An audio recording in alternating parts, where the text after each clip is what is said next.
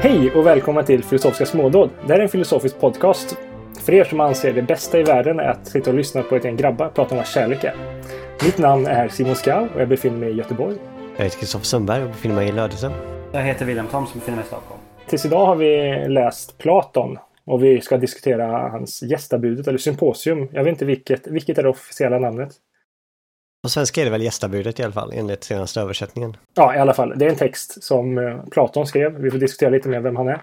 Men vi ska diskutera vad kärlek är och jag gissar att vi kommer komma in på vad kunskap är. För det är väl lite det Platon vill prata om hela tiden. Har ni några reflektioner över vad vi har läst? Vad vi har gjort? Eh, vem var Platon till exempel?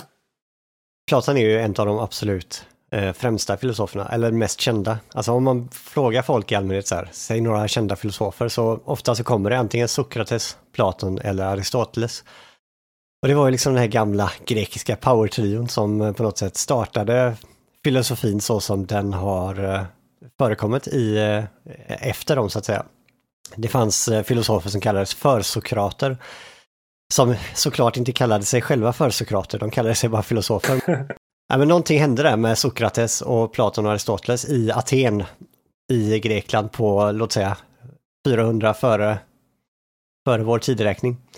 Alltså före Jesus, som vi brukar säga. Eh, där hände någonting och eh, som formade filosofin och därefter så eh, följde folk efter dem. Och just de här tre figurerna stod ju i ett eh, samband som eh, ja, de stod i samband om formen lärare till lärjunge så att Sokrates var hade massa lär, lärjungar, varav Platon var den mest kända.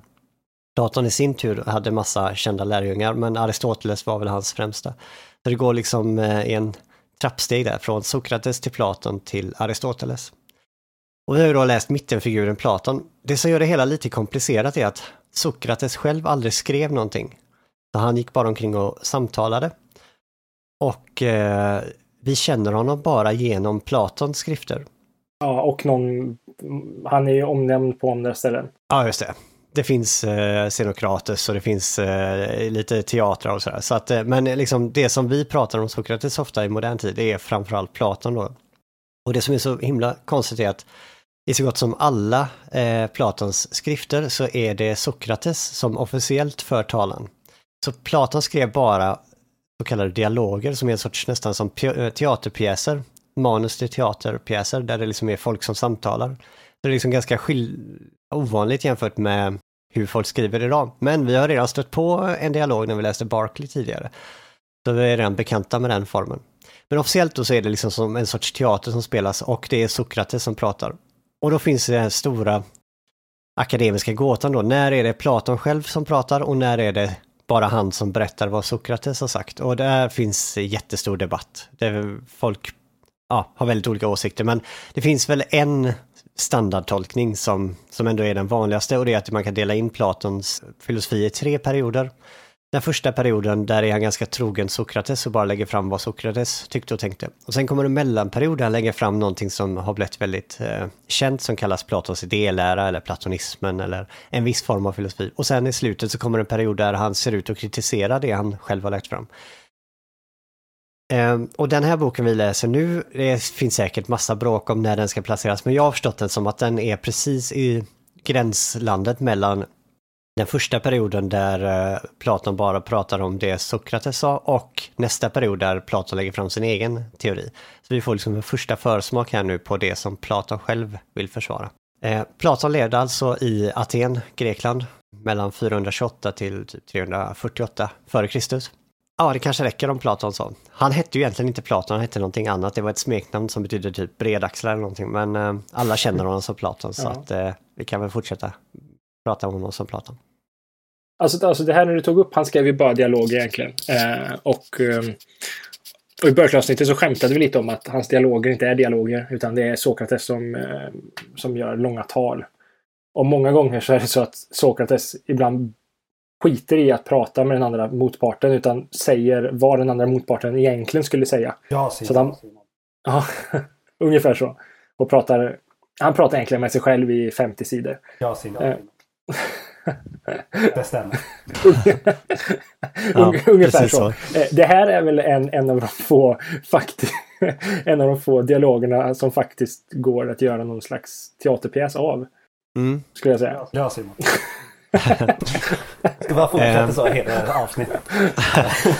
Ja, men här är det faktiskt flera som får hålla ganska ja, hyfsat långa tal så här. Eh, vi var lite oense, vi pratade lite om eh, detta avsnittet innan så där, och vi var lite oense där. Jag tyckte att det de andra sa var fullständigt nonsens och strunt och att det bara blir intressant när Sokrates börjar prata i slutet. Men William höll inte med, vilket var väldigt uppfriskande för då, då har vi en anledning att prata om det i början också. Oh, så jag kanske ska prata om vad vi har läst. Ja, eller hur det ser ut. Ja, men precis. Kör.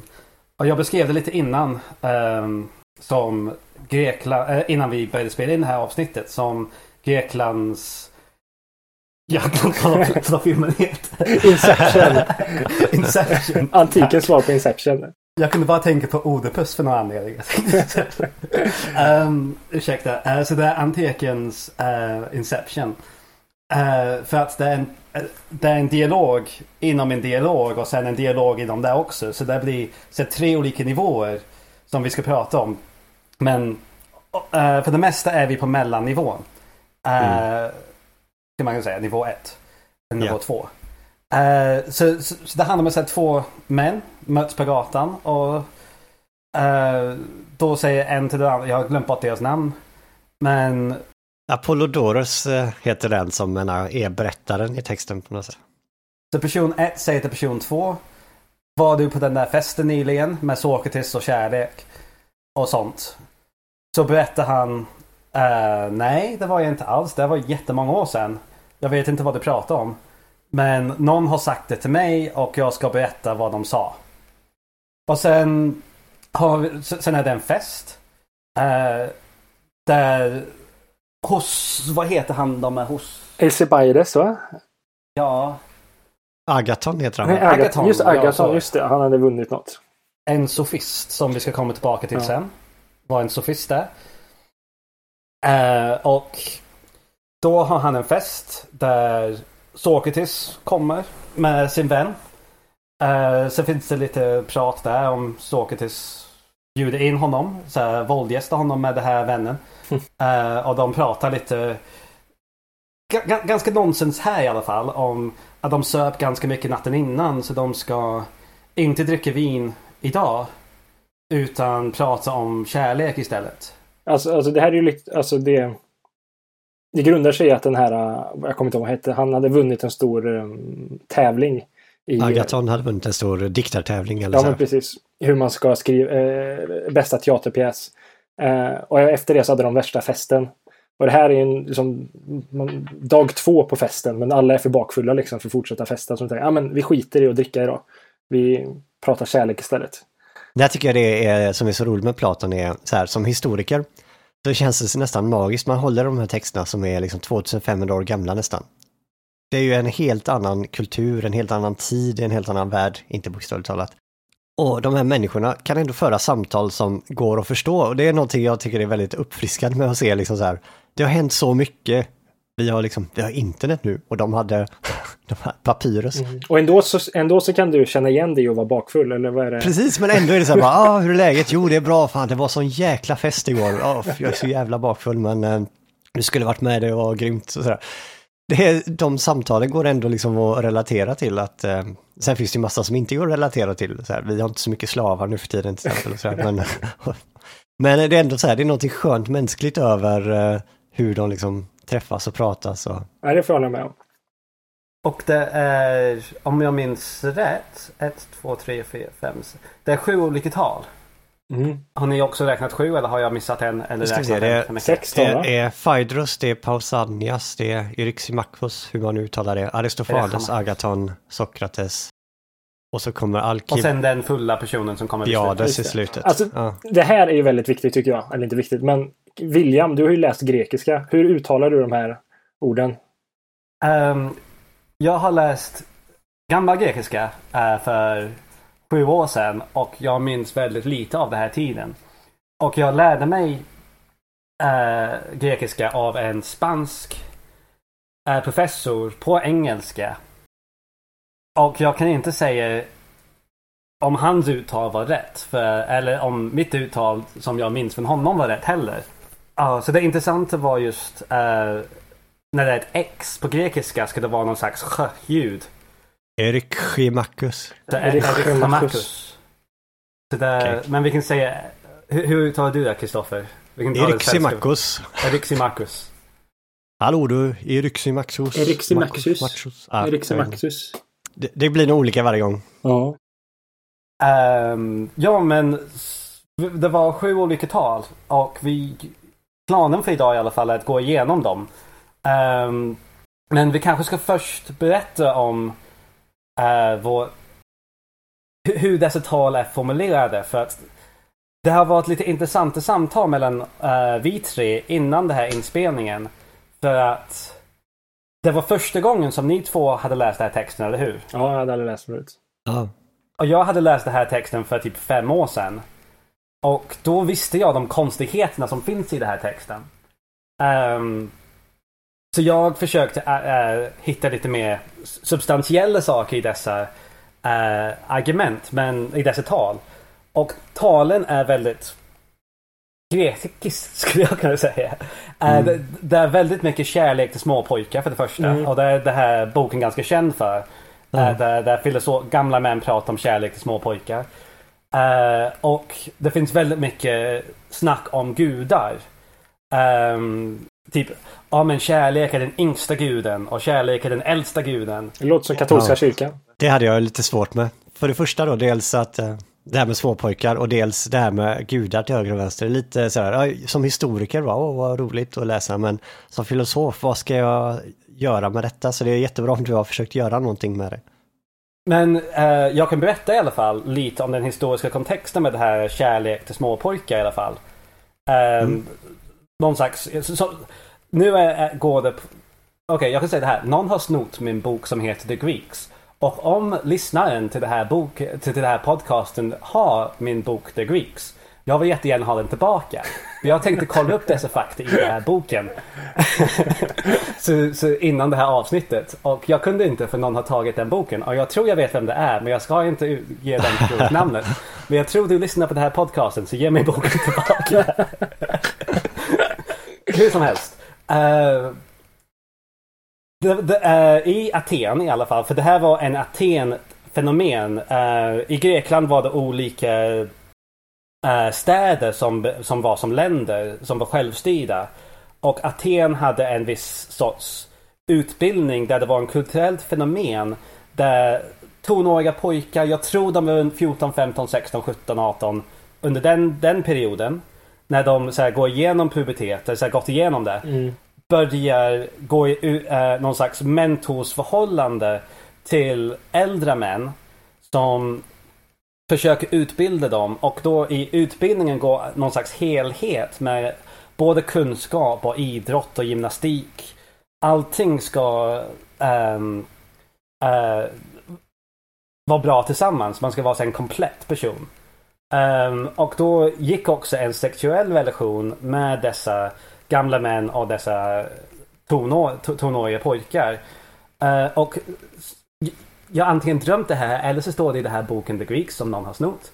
Att um, den sexuella relationen då var inte mellan benen om, om, det, var, om, om det var tillräckligt explicit. Eller så här, om, om ni förstår vad jag menar då. Det var inte analsex eller något sånt. Eller oralsex. Det såg som grovt och fult i Grekland. Ja just det. det där, ja. Man hade sex i knävecken och grejer. Ja, så det, så, så där var det om små pojkar och eller så här pojkar. Och då har, har den här diskussionen ganska intressant um, i, i dessa tal. För de bruk, det verkar som de värdelägger, i de flesta tal i alla fall, det där kärleken högre än kärlek mellan män och kvinnor. Ja, så är det um, många ofta. Jag tycker det är en kul grej är så här att vi där, den här stereotypa bilden är att det är jävligt macho, machogubbar, de har massa charmar massa brudar så här, stora actionhjälten och alla tjejer springer efter dem och sådär. Och medans de homosexuella männen är så här lite fjolliga och så här, så liksom är den stereotypa bilden. Här är det verkligen så här, den riktiga machokillen, han älskar ju pojkar liksom. Män är ju mycket mer macho än kvinnor, så den som bara är intresserad av män, det är ju liksom det riktiga macho, liksom manlighetsidealet. Jag tyckte det var charmigt att de eh, Och ändrade. filosofi, filosofi och eh, Precis. pojkar. Så den riktiga machomannen här är liksom en som är grym i krig, han är filosof, han älskar pojkar och ja. Jag tänkte om ni kunde svara på det. För som jag har fattat det som det, en, en del av eh, antingen är det liksom själva telåset i den här kärleksrelationen mellan en äldre man och en ung pojke. Eh, eller Syftet är, med Ja, den. precis. Eh, eh, Eller är det bara en efterhandskonstruktion. Men det känns som de pratar om att det vackra eller det eh, kärleksfulla här, eller det objektet som den äldre mannen dras till, eh, är potentialen hos den unga. Att det är det som är att, att se potentialen till visdom, pot- potentialen till duktig idrottsman. Att det är det som är det attraktiva. Och att, Och ingå i någon slags mentorskap Ja, för men att få precis. fram dessa egenskaper. ja, Men, men det är inte bara äh, mellan män och kvinnor. I, i, I de olika tal det finns olika varianter och det är intressant att se dessa varianter. Men det kanske är ganska bra att börja med just att det finns det här äh, utgångspunkt att det här mentorskapen verkar vara en, en väldigt nödvändig eller väldigt viktig del för kärlek för många av dessa tal. mm, precis. Och sen just det, den sista kulturella biten om gudar. De används lite mer på någon slags symbolisk sätt. Mer än någonting, att de tror på dessa gudar på riktigt. Mm. Det där är, tycker jag är det luriga med Platon alltid. För till exempel en gubbe som Kant som jag har namedroppat så många gånger, han är ju svår. Han är svår på ett uppenbart sätt. Han liksom skriver, det är svåra ord och det är svårt bara helt enkelt. Platon är så här bedrägligt lätt för att man kan liksom läsa det ganska så här, ja det är ganska lätt sådär. Men det är bedrägligt på ett sätt för att det, är liksom, det kommer myter, det kommer berättelser om gudar och kors och det är sällan liksom man kan läsa det bokstavligt, man måste liksom läsa bakom orden. Vilket på ett sätt gör Platon svårare. Och på samma sätt, alltså vissa saker som skrevs i Platon är att namedroppa kulturella referenser som Inception för grekerna. Mm. Att de vet precis vad han menar när han pratar om en, en viss sak. Ja, precis. Och det gör att det är så svårt att läsa Platon om man själv inte är sån här um, akademiker som kan allt om den gamla grekiska. För det är så mycket eh, inside jokes som vi inte förstår. Men bakgrundshistorier och liv, livet i sig runt om. Eh, ska vi gå in i texten? Ja. Phaedrus börjar med det första talet. Ehm, ska jag berätta vad talet handlar om? Ja, kör en snabb synopsis av talet. Ja, det var ganska kort tal. Eh, det var väldigt mycket gudar. Eh, han pratade om att kärlek är den äldsta av alla gudar. Ha- och sen berättar han om väldigt mycket hur en person är som har kärlek. Som, som har sin älskare med sig. Att till exempel de starkaste krigare skulle ha sin älskare bredvid sig. Ehm, att man agerar, ehm, att man är beredd att dö för sin älskare och så Mm. vidare. Den bästa motivationen är kärlek. Det är bättre än pengar och bättre än Ja. eh, dödshot och liknande. Om jag skulle ta min tolkning av det här att Phaedrus säger att kärlek är en dygd som vi ska ha. Jaha. eh, Och det är den bästa dygd vi kan ha. Är min abstrahering av det här. Mm. Och det, får, det är bra också för att det får oss att göra bra saker. Så, här, så att det är liksom ett medel också till högre mål. Så att ja, men det är bra för att jag blir modigare om jag är, gör någonting för kärlek. Och jag blir starkare och sådär. Mer mor- moralisk sa han till och med någonstans. Att, Mm. att, eh, I någon av hans exempel. Okej. var- Alltså jag vill ju säga emot det här att man blir skulle, alltså jag, jag förstår tanken och det är en väldigt fin tanke. Men jag är lite, alltså till exempel jag, att man blir bättre. Jag har några polare jag brukar spela tennis med. Och så brukar eh, vara res, respektive eh, har väl gått förbi några gånger. Och varje gång min fru är i närheten så är jag svindålig. Jag blir verkligen, jag, jag, vågar inte ta ut slagen. Jag servar i nät hela tiden och det är eh, så att av egen erfarenhet så skulle jag inte säga att jag skulle vara bättre på att eh, kriga om... Alltså, alltså, jag kan, alltså jag kan förstå... Jo, men, men om, motivation om, att anstränga om hon sig står mer. bredvid dig och ni, ni kämpar tillsammans för att överleva. mm, Precis. Tänk- äh, om hon göra vad som tennis- helst för att försvara sin familj kanske. Ja, om hon tänka. var din tennispartner till exempel. Eller om jag var din tennispartner. Vem skulle du skämmas mer för? Om du, gjorde, om du inte spelade bra.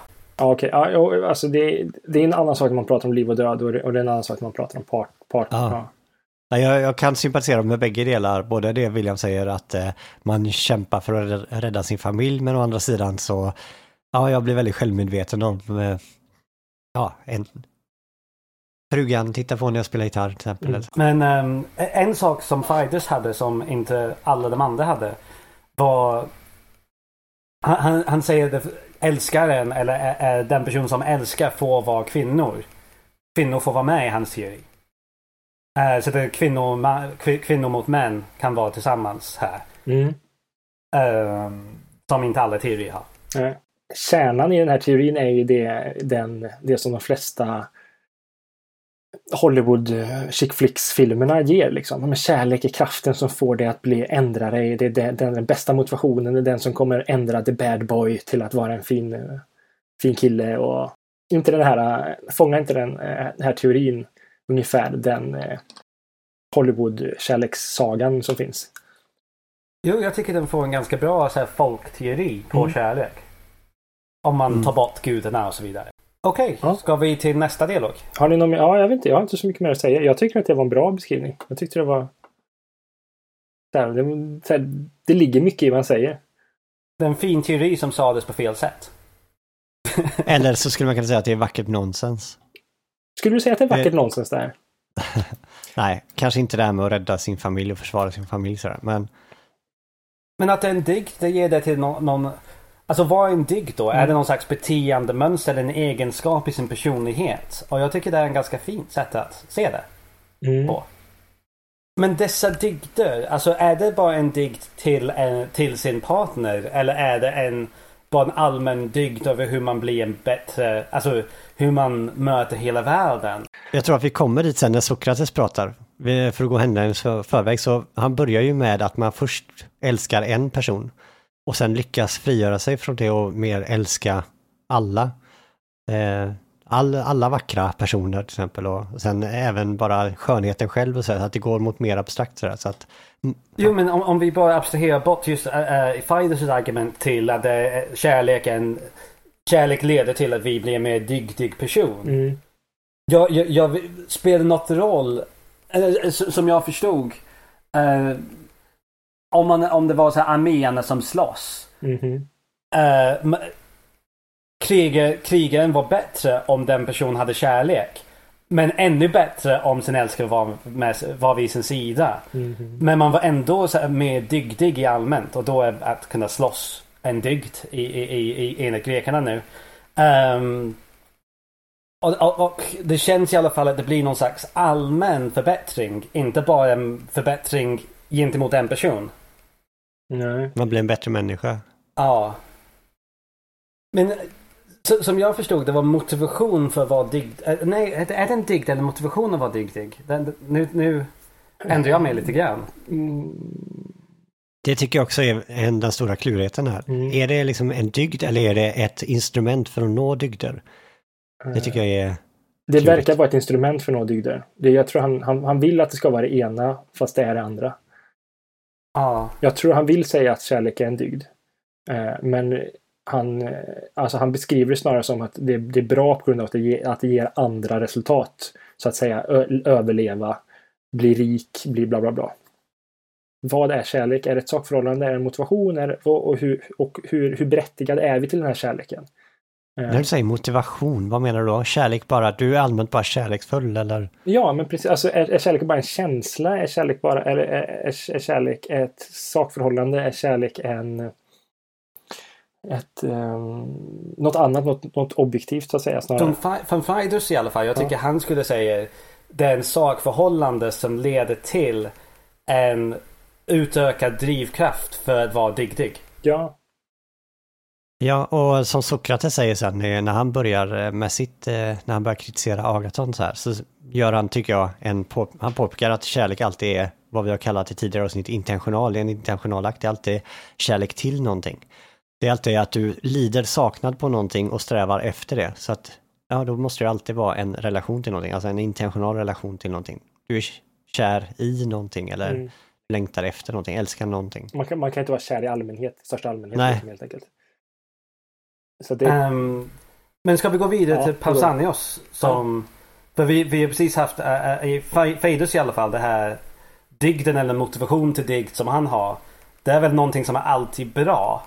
mm, Medan Pausanius har med um, likgiltig relation till kärlek och säger att det kan vara varken bra eller dåligt. Ja, det finns två former av kärlek. En dålig och en bra. Mm. Jag är lite osäker, men han, han, det är någonting i stil med att det finns å ena sidan den eh, himmelska kärleken och å andra sidan den eh, jordliga kärleken. Han kallar dem olika gudar tror jag, men jag minns inte vilken som var vilken. Ja, det var två Eh. olika Afroditi. Um, Okej, två former av Afrodite, okej. Och då, om jag förstod det här rätt. eh, nu har Pausanias nu tar två olika myter. Där Afrodite har två olika ursprung. En tror jag var med två pappor och en med en pappa och en mamma eller något sånt. Eh, och säger men då finns det två olika versioner av Afrodite som vi får i myterna. Och om vi ska använda dem som symboler då kan vi använda den här guden som två olika symboler för kärlek. Ehm, och, de här två sorters kärlek som Kristoffer skulle prata om nu. Just det. Och eh, för det är det jag tar med mig utav Pausanias eh, tal, att nej, men här finns två former av kärlek. Och det här är, med myterna är bara att göra ett snyggt övergång och liksom knyta an det till den vidare liksom, eh, atenska kulturen. Men det finns två sorters kärlek. Den ena är mer riktad mot kroppen. Du, du blir förälskad i någon bara för att de är vackra, de har snygga kroppar och du vill ha deras kroppar. Sen finns den andra formen av kärlek som är den finare som riktar sig mot deras själar mer. Du älskar någon för deras insida snarare än bara deras vackra yttre. Och eh, Pausanus han sätter ihop det här med kvinnligt och manligt också, att den här lägre formen när du är mer intresserad av folks kroppar och sådär, att det är mer, då kan du älska kvinnor lika väl som män. Den är lägre, medan den är finare när du bara älskar någons själ, eh, bara riktar sig till män. Ja, här tror jag faktiskt man skulle kunna vrida loss den här idén från den atenska eh, kulturen. Idag, jag kan tänka mig på den tiden så hade du aldrig i princip vettiga samtal med kvinnor, förutom i undantagsfall, vilket ett kommer senare i dialogen. Men liksom kvinnor hade en väldigt så här, de var inlåsta i ett annat rum och sådär och här ligger de här gubbarna och har sköna samtal sådär. Att de då skulle kunna se det som att, ja men det här kärleken som är med kvinnor det är ju mer så här fysisk kärlek och sådär. Medan det här när du älskar någon för dess inre, det är mer mellan män. Alltså idag skulle man nog kunna ha den relationen. Man skulle kunna ta bort allt det här med manligt och kvinnligt i den här diskussionen tror jag, utan att förlora någonting. Mm. Och säga att det finns två sorters kärlek. Å ena sidan när du bara vill ha någon för deras sköna yttre och någon där du verkligen älskar någon för dess personlighet och du vill liksom utbyta idéer med dem och sådär. Mm. Mm. Så det blir två olika klasser då ehm, istället. Så det finns två olika kategorier på kärlek. Begär och substantiell kärlek eller substantiell själkopplingar. Ehm, men det som jag tyckte var intressant var hur, hur Pausanius sen säger samhället ska byggas upp för att kontrollera dessa. Ehm, minns ni det här? Mm, nej. Eh, ska för, se.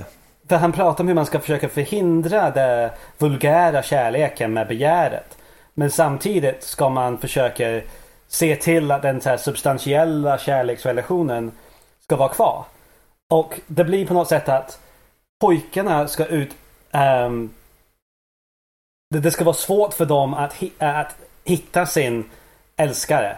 De ska eh, skyddas från dessa gamla män. Mm. Och de gamla män ska uppmuntras att förföra dessa pojkar. Och på det här sättet, eftersom pojkarna ska vara lite mer choosy. Eh, blir det någon slags kulturell mekanism för att öka på den substantiella kärleken och minska begäret mellan män och pojkar. Ja. Jag tyckte det var bara så här lite intressant hur det blir nästan så här. Ja men samhället säger vi eh, ska inte eh, ska skydda dessa pojkar. Men vi ska ändå köra. Vi ska ändå försöka stöta på dem. Var Ja. ungefär hur det lät. Det lät som en sån här gammal man som d- Ja, han kanske inte dricker just då men bara säger Ja, samhället säger vi inte ska men vi ska ändå för kärlekens skull. Det låter jättekonstigt tycker jag men ja, intressant. ja, men det är väl på något sätt för att det inte ska förbli den här lägre formen av kärlek, när man bara är ute efter någon för att de har en snygg kropp, utan att det ska liksom på något sätt uppmuntra den finare sortens kärlek. Jo precis men då är det pojkarna som ska vara de som uppmuntras att ta den, den eh, bättre sorten. Men de män kan Mm. göra vad som helst. Nej, men de- det är ungefär så att eh, det kommer vara massa snuskgubbar som är efter de här små unga pojkarna. Så de unga pojkarna måste ha vett nog att hålla borta dem och hitta vilka som Precis. är ute efter något högre. Men det här, alltså, nu kommer jag tillbaka. Alltså, här bläddras som, alltså, I vissa fall så pratar de om den här relationen som de pratar en rent fysisk relation mellan eh, den 50-åriga mannen och den 13-åriga pojken. Eh, som det oftast är. Eh, men ibland så pratar, alltså, som vi snackade om tidigare, så är det snarare den här eh, alltså det, potentialiteten att få utveckla, att, att, att få vara mentor som är det viktiga. Men det skulle väl, det, vad är det för ord? Det skulle snarare ingå i den himmelska kärleken. Ja, precis. Så att man... Ja, men det, det är inte det som är motivationen. Men den sexuella akten är inte, är inte fel i den vackra substantiella kärleken. Det är bara om det är motivation eller det finns mm. mer än det. I den andra sorten, men i den första sorten är, är det enbart den sexuella akten som av begär. Just det. Nej, så i det andra fallet är det liksom bara en sidoeffekt av det finare. Ja, men jag vill se det, alltså, alltså, alltså jag vill förstå det. Hur, hur pratar vi om det här? Alltså pratar vi om att de här 50-åriga männen har en faktisk sexuell eh, mm, Alltså de blir upphetsade av de här yngre pojkarna. Eller är det så att, och, och, och det är det som är den här eh, jordliga kärleken. Eller ska man se kärleken som den här eh, att, att den jordliga kärleken är mest den här, alltså när, när männen vill bli eh, uppsedda till eh, oavsett anledning som är jordliga. Men när de är bra mentor, det är det som är den fina kärleken. Så, så, så, tycker ni, för, för, för nu när jag börjar bli osäker, men tycker ni att den, um, den himmelska kärleken har begär och sex inblandad alls då? För som Simon säger nu, det verkar vara någon slags två kroppar eller mentor-adept relation. Det är lite oklart, det är någonting jag funderar på också, men det allmänna intrycket var att jag fick att okej, okay, den här jordliga kärleken, ja men där är det verkligen kroppsligt begär och sex och sådär. Den himmelska kärleken, där är det möjligtvis inte förbjudet eller så, men det är liksom inte huvudmålet, utan det är i så fall bara en bieffekt. Men mm. att det är liksom i första hand det här mentorskapet och om det också kommer sex så är det liksom det en, bara en sidoeffekt, det är liksom inte något viktigt sådär. Så förstod jag det, men jag är inte alls säker på att det är rätt tolkning. I mina anteckningar har jag skrivit mer substantiellt än bara sex, men då har jag antagit Ja, men så var min spontana reaktion också. Som jag, alltså, det, det, är, det är så jag har tolkat det också. Men någonstans så vill jag, om man skulle kunna vända på det och istället för, för att se det som en sexuell relation så kan man bara se det som att det handlar om dyrkan och eh, viljan att dyrka och viljan att bli dyrkad. Eh, istället för att se den som rent fysiskt sexuell. Eh, för den finare varianten av dyrkan och att vilja bli dyrkad är mentor och adept. Förstår ni vad. Är det här att du menar att Platon ska tolka så eller menar du att, att det här vore en, att, en är, roligare teori? Det här är en fråga, är det så man skulle kunna tolka det här? Eh, att visst, de pratar om fysiskt och icke-fysiskt eh, lite då och då, men eh, är det bara aforismer till att prata om att eh, den jordsliga kärleken är snarare att eh, äldre män vill bli dyrkade och vill ha unga män som följer efter dem och unga män vill ha ledning och guidning. Eh, alltså, jag, jag, tror att man får göra en del våld på texten för att få till ja, den tolkningen. Okay, ja. eh, alltså, rent bokstavligt talat så säger han ju inte det. Jag vet inte riktigt vad... För begär verkar vara en väldigt stor del av, det substans, av, den, um, av den himmelska biten. Alltså motivationen till att tolka det så som du säger Simon är ju att det känns mycket mer för en modern läsare som tycker att det är lite pervo med 50-åriga gubbar som är på 13-åriga pojkar så känns det jobbigt att, alltså det vore skönt med en tolkning där det inte är, handlar om det. Men jag vet inte hur Nej, men, min motivation är inte det. Min, min motivation är snarare att den himmelska kärleken är så pass eh, fokuserad på utvecklingen av eh, den unga pojken. Det verkar vara den, den himmelska kärleken, att få Eh, jag tyckte det var på dig som att du inte ville att den jordiska kärleken heller skulle handla om sex. Som det låter så säger de att den, den jordiska kärleken är rent fysisk. Vi, vi, vi har sex och vi, vi hoppar och klappar. Eh, men det finns två kärlekar. Den ena är rent fysiskt där vi hoppar och klappar. Och den andra är där vi utvecklar en av individerna. Alltså det, det känns som två art, alltså så pass artskilda att de inte ens går att prata om som olika kärlekar. Jag vet inte, jag tycker det ligger någonting här ändå, någonting vettigt i den här pausan. Att man liksom kärlek, eh, att det är två former av kärlek, alltså en ytlig och en djupare så här. Att du kanske, du kan tycka att någon eh, är snygg utan att tycka liksom, känna det någonting, men det finns något djupare när du börjar förälska dig, inte bara någon persons vackra yttre utan att det är liksom personens personlighet och liksom ja, att det är en fördjupad kärlek när du... Alltså om, om man ska översätta det till termer man pratar om idag så, så skulle man kunna prata om himmelska kärleken som kärlek och jordiska kärleken som förälskelse. Alltså, alltså den här rent fysiska förälskelsen som man har. Men Eller? det, det som jag inte förstår, eller kanske varför förälskelse för, och enbart förälskelse inte något mer än det nödvändigtvis dåligt? Men eh, det finns två tolkningar, för ibland låter det mycket riktigt som du säger att det är någonting dåligt. Men ibland låter det bara som att det är lite sämre än andra. Och så tycker jag låter som en vettigare, så här att förälskelse är bra men kärlek är ännu bättre. Mm. Så att det är liksom inte dåligt med förälskelse. Alltså, men, jag, jag håller med. Om vi tolkar på det viset kan vi, men jag håller med William. Man kan tolka det på det sättet som, som William säger. Och enda svaret på eh, varför, de, ar- varför de argumenterar så dåligt eller där är för att de har massa andra metaargument i till exempel. Man, alltså, alltså det här kommer tillbaka till hur, vad de menar det goda livet eller att, att man ska inte slänga, alltså till exempel man ska inte slänga alla pengar eller alla tankar eller alla resurser på en grej till exempel bara utan att ha en långsiktig tanke med det så att säga. Eh, Jag tror det har med det att det, det, ligger så mycket annat kulturellt Men då borde de vara emot en weekend i London. De är emot en, en weekend till London om du om du, inte, om det visar sig att din, din plan är inte längre än, än den weekend, att du har spenderat alla dina resurser på det. Ja, okej. Här tycker jag ju en, är, är intressant, alltså om, om, om man lägger fram den här, alltså den här Hollywood romantikkänslan. Ibland får, får man ju den tanken här att så här, det du ska göra är att slänga in allt du har på en förälskelse hela tiden. Och ibland så går den längre. Men så har inte jag funnit det i mitt liv till exempel. Att, att det är när man har en annan inställning till, eh, till eh, sin nästa, eller alltså, alltså, alltså till sin partner eh, eller till nästa person man träffar. Eh, där det inte bara är den här eh, eh, jag lever i stunden och stunden får vara det bästa. Det är då den riktiga kärleken kan utvecklas. Men du säger Simon då att man kan, gå, man kan gå från den himmelske till, nej den jordiska till den himmelske. Ja, nej, jag, alltså, personligen skulle jag ju säga att, att, att, att den jordiska är ett medel till att nå det himmelska. Men Så de är inte, för, för Pausanius verkar säga att de är två helt olika ja, kategorier. det skulle inte jag säga. Jag skulle, eller jag skulle snarare säga att alltså, om vi beskriver dem som förälskelse eller nykärhet liksom, så kan man ju fortfarande ha det jordiska lite då och då i det himmelska så att säga.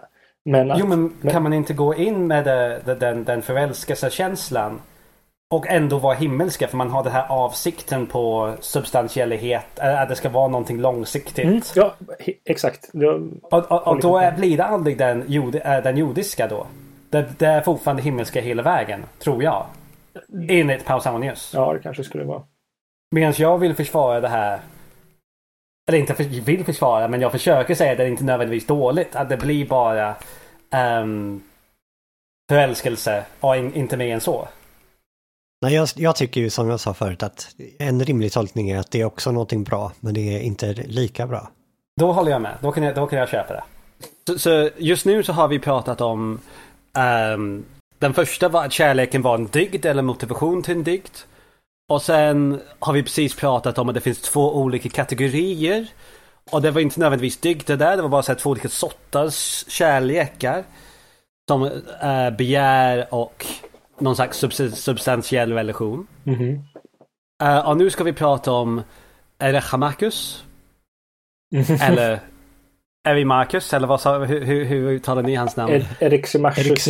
Ereximachus, yes. ja. E- Erechimachus i alla fall tror jag. Min spansk grekisk lärare eh, skulle vilja jag uttala honom. Eh, hans namn och sen säga jag hade fel, för jag, jag brukar hade fel. Ehm, jag var inte så bra på grekiska. Ehm, ja, men han var en läkare i alla fall. Och så försöker han komma med eh, någon slags läkarperspektiv. Det som är intressant här är att kärlek är någonting som finns hos alla djur. Enligt honom. Så det är inte bara mellan män och pojkar eller män och kvinnor. Här är det, alla djur har det. Och det verkar bli en, en, en, en, en kraft nästan. Så, så istället för är en dygd eller två olika sorters kärlekar. Det verkar, och som jag förstår han sa att det fanns bara en kraft, inte att det finns två.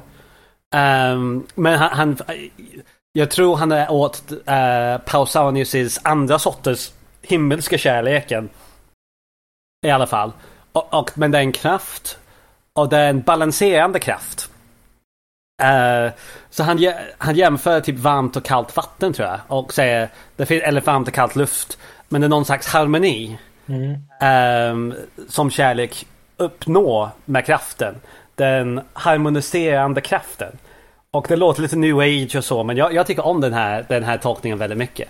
Um, jag älskar att läkaren i sammanhanget är new age. Är, jo men, men, men läkaren i, under den här tiden uh, tyckte väldigt mycket om balans och kroppen. Att det var för mycket av en viss sorts vätska eller någonting i kroppen om man var sjuk. Så, så, allt, så, så från hans perspektiv, kroppen och det, det, här är inte new age. Kroppen är någon slags, ska vara i någon slags harmoni med, med sig själv eller någon slags stabilt fungerande homodynamiskt system. Ja fast det där är ju en tautologi någonstans. Vadå? Att, att kroppen ska vara det? Att ett system för att det ska funka måste fungera. Ja okej, okay. men, ja, men det, att kroppen ska i alla fall vara en fungerande system. Och då, då gör han liknelse med musik till exempel. Och han säger Music is therefore simply the science of the effects of love on rhythm and harmony. Mm. Okej, okay, och på svenska var det mycket tråkigare. Och musiken är också kunskap om kärlekens fenomen i fråga om tonskala och rytm. Jättetorrt på svenska. ja. Um, ja, så, så, nu har vi att kärlek är en kraft som uh, skapar harmoni mellan olika saker. Vad tycker ni? Jag vet inte, eh, ska man förstå det så här att eh, han säger att eh, föregående talare, eh, vem var det nu? Pausanias, eh, han pratar ju om två sorters kärlek. Och att Erik Simakus, hur man nu uttalar det, han säger att nej, vi måste balansera de här två drifterna.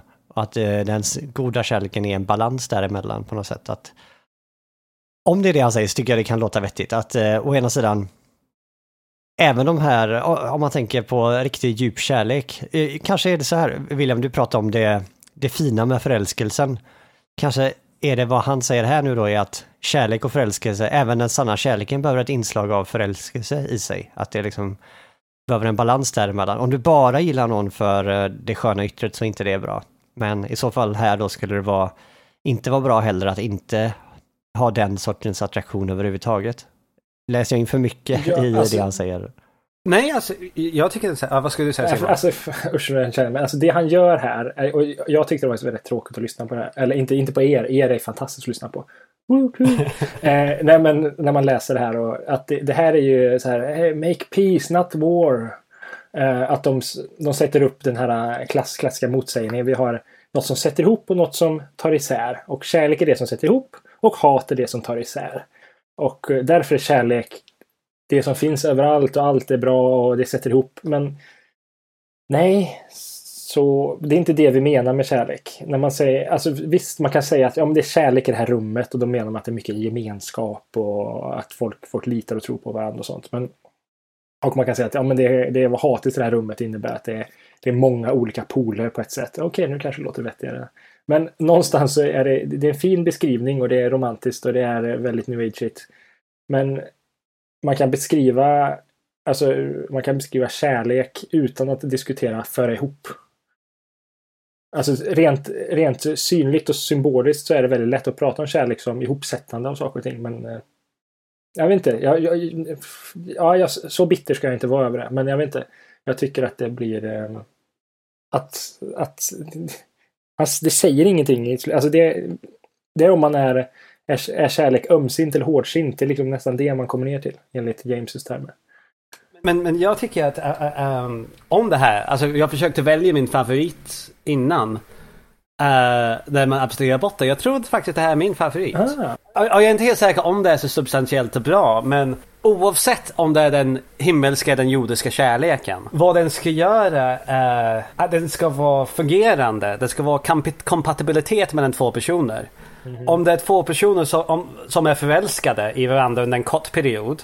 Då är det helt okej. Okay, om det är en kort period och båda är med på det. Mm. Tycker jag. Men om en person vill ha en långaktig förhållande och en person vill vara i stan för en vecka eller någonting.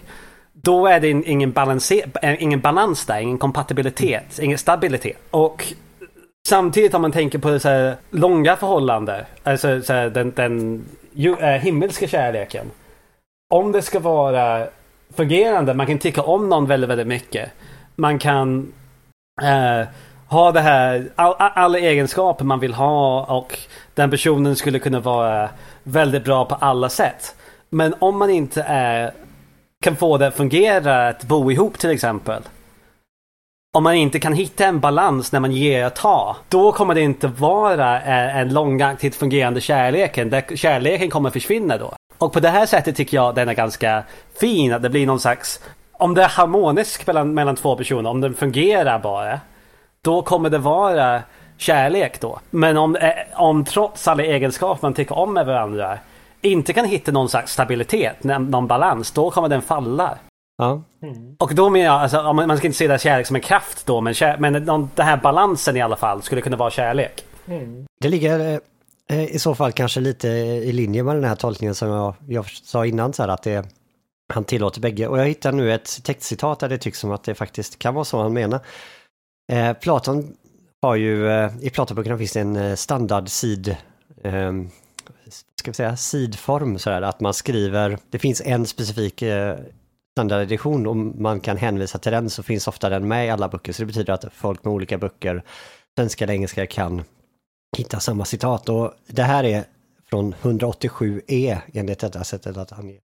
Och då pratar han om att den himmelska kärleken, den är ju såklart jättefin. Men, eh, och den ska man såklart tillmötesgå, den är liksom bara bra. Men så finns det den här folkliga, jag kan lika gärna citera kanske, men när det gäller den folkliga kärleken som tillhör polyhymnia måste man vara mycket försiktig när man väljer ut folk att tillämpa den på. Så att man kan njuta av dess lust men undvika att skapa tygellöshet. Precis som det är vår läkekonst är en svår uppgift att styra begäran på rätt sätt inför äh, kokonsten. Så att man kan njuta utan att bli sjuk.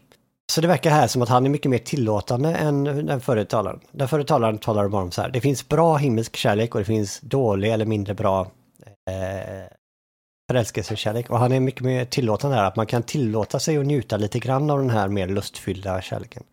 Bara man inte njuter för mycket. Det är som att äta godis, man får lov att äta lite godis ibland, men inte för mycket, då blir man sjuk. Ungefär så verkar han resonera här. Mm. Och jag kanske tog det för en, en lite för lång tolkning av det, men, men jag tänker så här. Om det är två personer som gillar att äta jättemycket godis tillsammans, då är det okej. Okay. Så två sumobrottare, de kan få gosa tillsammans. Fast nej, det är väl bättre att eh, om det är en som äter mycket och en som äter lite, att de passar ihop. så att det, de inte behöver bråka om maten. Ja, precis. Ja, men då är, de, då är det harmoni. Då är det...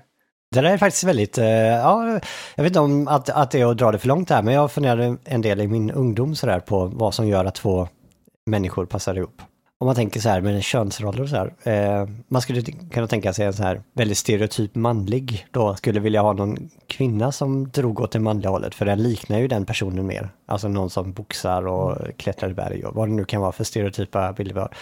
Men man kan ju också lika gärna se det som att nej men den som är väldigt stereotyp manlig söker efter någon som är väldigt stereotyp kvinna eftersom bägge två eh, är väldigt stereotypa och därför passar de ihop. Och, ja, och det är ungefär samma sak här. Ska den väldigt storväxta eh, söka efter någon som är väldigt storväxt för att harmonera eller ska den snarare vara någon som inte är så glad i mat för att de ska passa ihop? Här kommer vi verkligen in på Aristofanes eh, tal också. Definitivt. Och då kan vi gå till den, men jag vill bara säga en sista sak på det här då.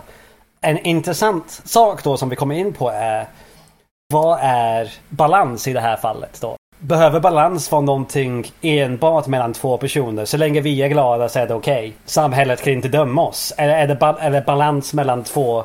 Är det balans enligt... Finns det någon slags objektiv balans?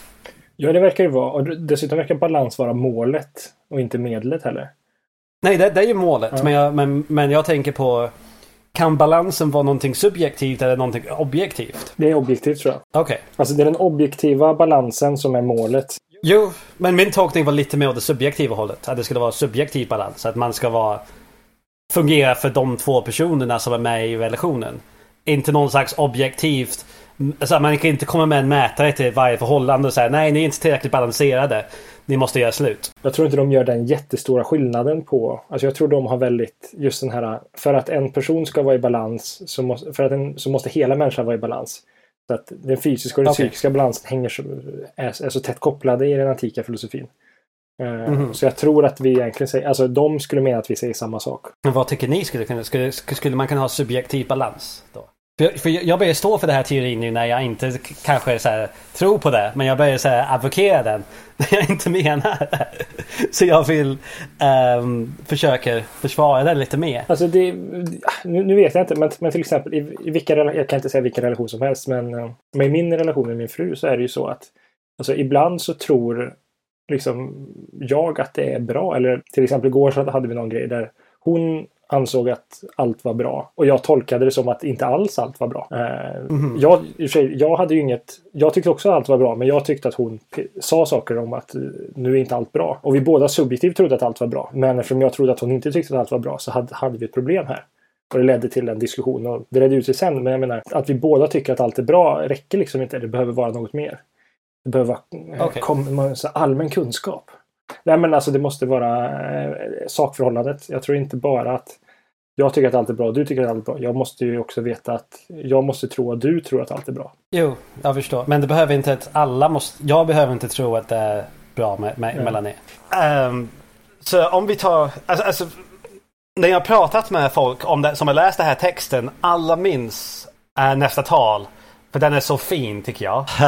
Fin, jag vet inte, jag blev så himla besviken när jag läste den. För jag tyckte den var så fin när folk berättade om den. Och när jag läste Ah. den på riktigt så blev jag så besviken över hur komiskt bisarr den var. Hans idé är att, eh, som han berättar, att eh, förr i tiden så fanns det de här runda varelserna som hade fyra ben och fyra armar. Och det han menar är att vi, vi satt ihop. Men i alla fall, eh, så menar de, de här dubbelmänniskorna var ju superkraftiga, supermäktiga. Så de tog, tog, tog och gjorde revolution mot gudarna. Men gudarna eh, tyckte inte att det här var kul. Och dessutom så vill de inte... Eh, dessutom, men... Eh, Och gudarna vann re- revolutionen också. Vad sa du? De vann Ja, precis. i Gud, revolutionen. Ja. gudarna vann revolutionen och då frågar han hur ska vi bestraffa de här? Problemet är att gudarna behöver tydligen ha off, eh, offergåvor för att eh, överleva eller för att må bra, jag vet inte vad. Eh, så att de kan inte göra för hårda bestraffningar. De kan inte döda alla till exempel, för då skulle de inte själv kunna få något. Så det de gjorde var att de delade på alla. Det här var Zeus smarta idé. Då. Så här, ja, det vi gör nu är att vi straffar dem genom att vi delar på dem. Så för det första får vi fler personer då eh, som kan offra. Och de kommer akta sig för att inte göra revolution igen för då kommer vi få dela dem igen och då skulle de bara hoppa runt på ett ben och hur skulle det se ut? Eh, men kärlek i slutändan då är när vi hittar vår andra hälft så att säga. Äkta hälft som vi säger idag. Ja, precis. Det filosofiskt intressanta som man tar fram här är eh, inte bara att, att, att när vi hittar varandra att vi, vi upptäcker att ah, det var dig jag har längtat efter. Det är dig som gör mig hel. Det är du, eh, du gör mig fullständig. Utan om en gud skulle komma och säga så här eh, vad vill ni helst av allt här i världen? Så skulle, de inte kunna, skulle man inte kunna svara. med att säga, men om jag säger att ni får vara tillsammans i all evighet tillsammans bredvid varandra, nästan så att ni blir en person. Då skulle alla inse, ah, det är exakt det jag vill. Att det kärlek är, är någon slags... Eh, alltså de, de kärlekskänslorna vi har är åtrån efter att få bli hel igen. Att möta varandra hälft. Och inte bara träffa varandra hälft utan faktiskt bli ett med varandra hälft. Och den vackraste av allting i det här tycker jag är anledningen vi är fortfarande rädda för gudarna. Att de, om vi gör upprop igen, eller revolution, så kommer de dela på oss igen så vi kommer hoppa runt på ett ben och försöka hitta tre andra personer för att bli hel igen.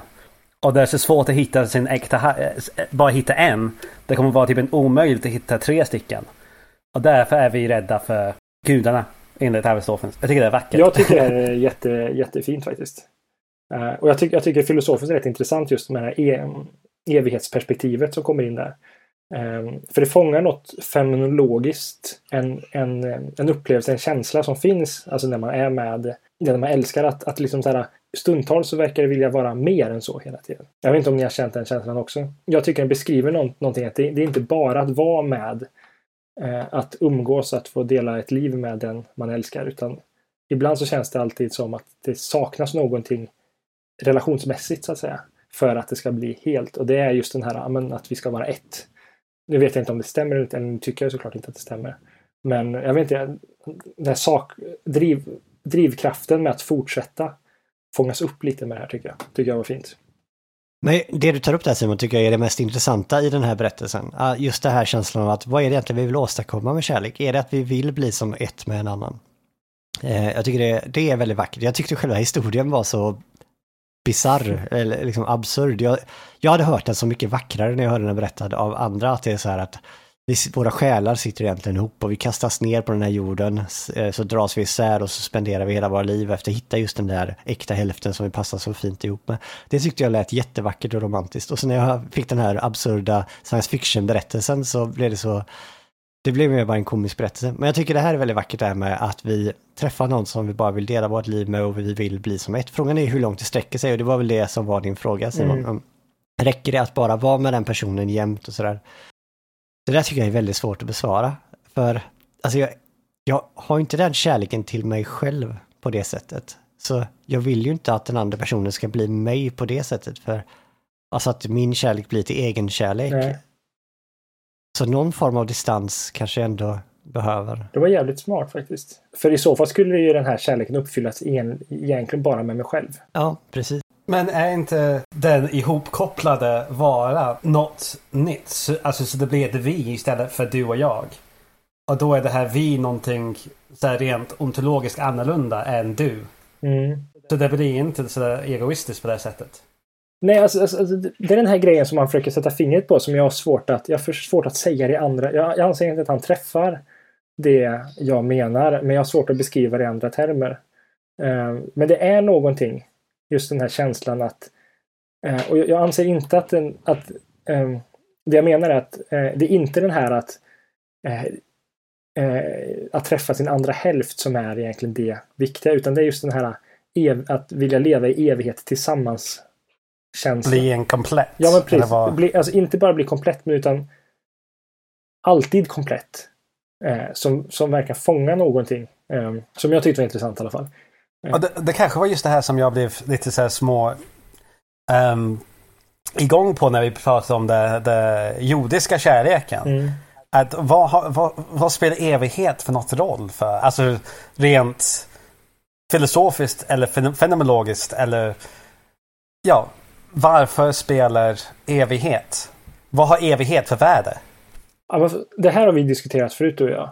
Jag minns till exempel eh, Nietzsche har ja. ju den här grejen där han säger att eh, tänk dig att du ska komma få upp, upprepa ditt liv exakt som det har varit i all oändlighet. Eh, hur skulle du vilja leva det livet då? Och då är en, en tanke till exempel, ja men många säger så här, ja men man lever bara en gång så därför ska man eh, vara med så många personer som möjligt och man ska ha så många upplevelser som möjligt. Men om man har den här tanken då kommer man kanske vara lika besviken varje gång. Och då, då kanske det är bättre att bara vara med en person, eller den personen man, man upptäcker man älskar under så lång tid som möjligt. För det är exakt den person man vill vara med i all evighet. Eh, men jag vet när vi har pratat så menar du, men om man tänker att man ska göra samma sak i all oändlighet hela tiden så blir, eller upplevas att samma liv upprepas all oändlighet så menar du att så här, nej, men det är samma sak som att säga att bara man lever en gång. Jag skulle säga att det finns en, en skillnad där. Man skulle kunna tänka som en utilitarist också så här, och tänka att ja, men kärlek det är någonting riktigt gött. Okej, okay, men låt oss då ha så mycket som möjligt av det. Och jag kan nog ändå sympatisera så här, om någon säger så här, du skulle kunna få vara med den du älskar i en dag eller i eh, hundra år, vad skulle du välja? Eh, skulle jag nog. Det är mycket bättre att vara med den i hundra år. Jag håller, håller helt, helt med. Men, men i alla fall, alltså, jag tycker, oh, där fångar man ju grejen. Alltså, exakt som du sa Kristoffer, med eh, om, mitt, om jag skulle få göra om mitt liv så skulle jag försökt träffat min fru snabbare. Det är liksom det som är svaret på det. Så jag skulle levt med henne längre. Medan många skulle säga, att om, om jag skulle gjort om mitt liv så skulle jag, skulle, man, jag skulle kunna träffa henne ändå sen. Så då skulle jag kunna träffa massa andra människor eller eh, göra massa andra saker. Men det är det som är, är grejen. Så, nej, men i slutändan att träffa sin andra hälft om man pratar i de termerna som är det som faktiskt var det man ville. Så om man skulle få göra om livet så skulle man få göra det mycket tidigare och vara under längre tid så att säga. Det här är knepigt för jag, jag har diskuterat det lite grann jag och min fru också. Eh, det är också svårt för att man är, förändras ju som människa. Och hade man hade träffats när man var ung och dum så kanske man inte hade kunnat få lika fin relation och kanske saker och ting hade förstörts. Så att det kanske på ett sätt var bra att man inte träffades för man var psykologiskt redo för att vara liksom, så seriös och så. Intressant eftersom jag är den enda som inte är gift i den här diskussionen. ja, Om min åsikt jämför med era åsikter. Men, um, Ja, för vi har ju the moral high ground enligt kristendomen här. Så att, eh. Nej, alltså jag föredrar idén om balans istället för evigt, evighet. Mm. För balans kan hålla sig under ett långt period. Men inte nödvändigtvis någon slags, jag vet inte, dömd för att vara för evigt. Det känns lite, jag vet Du är inte. inte redo att binda dig ännu William. Jag kommer aldrig vara redo att, jag, att säga någonting är för evigt. För, för jag tycker... ehm, vänta tills vi pratar ett avsnitt om personlig identitet. Det, för jag tycker inte ens att jaget är evigt. I, i, under en, eller jaget är någonting som är konstant under sin livstid. Att man ändrar sin personlighet och så vidare. Jag tycker allting är i flux. Alltså allting förändras. Så att, att säga någonting är för evigt är skrämmande och jag rent filosofiskt tycker att det saknas bevis på det. Det saknas ett argument för filosofiskt bevis för empiriskt. Men här är ju bara någonting som man ska sträva efter. Eller en, en beskrivning av en önskan. Inte så här att du ska vara med den här och älska den här personen evigt. Utan det är bara så här, så här är äkta kärlek. Då känns det så här att du vill vara med den för evigt. Mm. Så det behöver liksom inte, det kan falsifieras på ett senare tillstånd. Men Ja, så, så, så för mig är det inte ett filosofiskt argument för kärlek. Det är ett religiöst argument för kärlek. Det är, ett förtro- det är, det är hopp, det är tro. Det är inte baserat på resonemang. Jo, det, alltså, eftersom det fångar den fenomenologiska känslan som är oftast motivationen bakom det. ja, så tolkar jag det de säger här. Att det är liksom en beskrivning av hur det känns. Okej. Fast jag håller med William där, för han blir lite stark när man säger så här. Det, då, eh, när man får den här eh, möj- möjligheten så skulle alla inse direkt att är det exakt så här jag vill ha det. Det är en öppen fråga. Men det här är faktiskt ett problem för att de säger massa saker om kärlek så här. Äkta sann kärlek är det här och det här och det här. Och jag, jag ser det som ett tråkigt problem att det är alltid öppet för att man kan alltid försvara sig om man verkligen tror på detta då och försvara detta. Så kan man alltid säga så här, alla som i, inte håller med, de har bara inte upplevt det ännu. Det är ett väldigt tråkigt eh, sätt att eh, försvara, liksom, man gör sig, skyddar sig mot all kritik, vilket jag tycker är väldigt sorgligt. Nej, precis. Ehm, ja, och jag menar, samma argument går att göra för vad som helst, till exempel Gud eller så här. Man blir ett med Gud och man får sådana här religiösa upplevelser. Alla som säger bara nej men det där är bara nonsens, så kan man alltid säga så här, nej men om du också hade haft det så skulle du hållit med, du har bara inte haft det ännu. tack för att du sa det Kristoffer. Jag var väldigt nära att säga nästan väldigt likadan sak som du sa. Men eh, ska vi släppa det här eller? Ja, för, för då tycker jag det är slut på alla tal förutom Sokrates. Vi har en till innan och en efter Sokrates. Den efter Men jag tycker inte man, vi kan räkna dem som riktiga tal. Nej, håller med. De, de, de, är, de är till för att bygga upp Sokrates och för att eh, polera Sokrates. jag tycker det är bara lustigt med Agaton då som är den här fantastiskt duktiga vältalaren. Mm. Hans tal är så här ganska kort och det är liksom ungefär bara kärlek är det är det bästa, det är det finaste, det är det vackraste, det är det yngsta, det är det mest eh, dygdiga. Liksom han bara listar så här bara, det är bara jättebra så här. Och så kommer Sokrates och bara totalt eh, raserar honom och liksom säger okej, ja det där var jättevackert sagt. Eh, och, sen är han så jäkla tyken. Han säger så någonting i stil med Sokrates när det är hans tur att prata så bara nej jag kommer göra er besviken så här. Jag, jag har tydligen missförstått vad det var vi skulle göra. Och de bara vadå, vad är det du har missförstått? Nej jag trodde vi skulle eh, hålla bra tal men eh, om det är dåliga tal vi ska hålla då kommer jag inte lyckas. Så Han säger inte så bokstavligt men det är ungefär så bara oj nej förlåt mig jag trodde det var bra tal vi skulle säga. Men han säger någonting i stil så här, ni bara listar allting som ni tycker är bra och så kallar ni det som kärlek så här. Jag trodde att vi skulle prata om vad sa- sanning, vad, vad är kärlek egentligen? Alltså det är precis det Agathon gör. Och han är en sofist. Ehm, och, eller det, det, som jag förstår Platon är emot sofisterna. Som är, man kan säga är lärare i, i Grekland. Eller de, de, de fick betalt för att lära ut retorik och andra filoso äh, och filosofi. Och Platon var emot dem för han tyckte, och Sokrates var emot dem. För att de var ganska tomma i sina argument enligt dem. Enligt, enligt Sokrates och Det Platon. handlade bara om Att vinna. Ett argument. enbart Använd vilka tjuvknep som helst. Ja, precis. Det är liksom helt okej att lura folk och sådär, bara du vinner. Och det är precis det som Agathon gör. Han vinner alla de föregående tala, talare. De applåderar honom efteråt. När han, och jag, jag hade glömt bort hur Agathon, äh, Agathons roll i den här dialogen var. Och jag hade försökt, och som jag har sagt, jag har försökt att abstrahera bort alla argument under tiden jag läste dessa. Och så har jag bara skrivit typ fem frågetecken under, under ag agathon och sen sofist? Frågetecken. För jag förstod, jag kunde inte hitta något så här, argument i den. Det var bara en massa fina ord.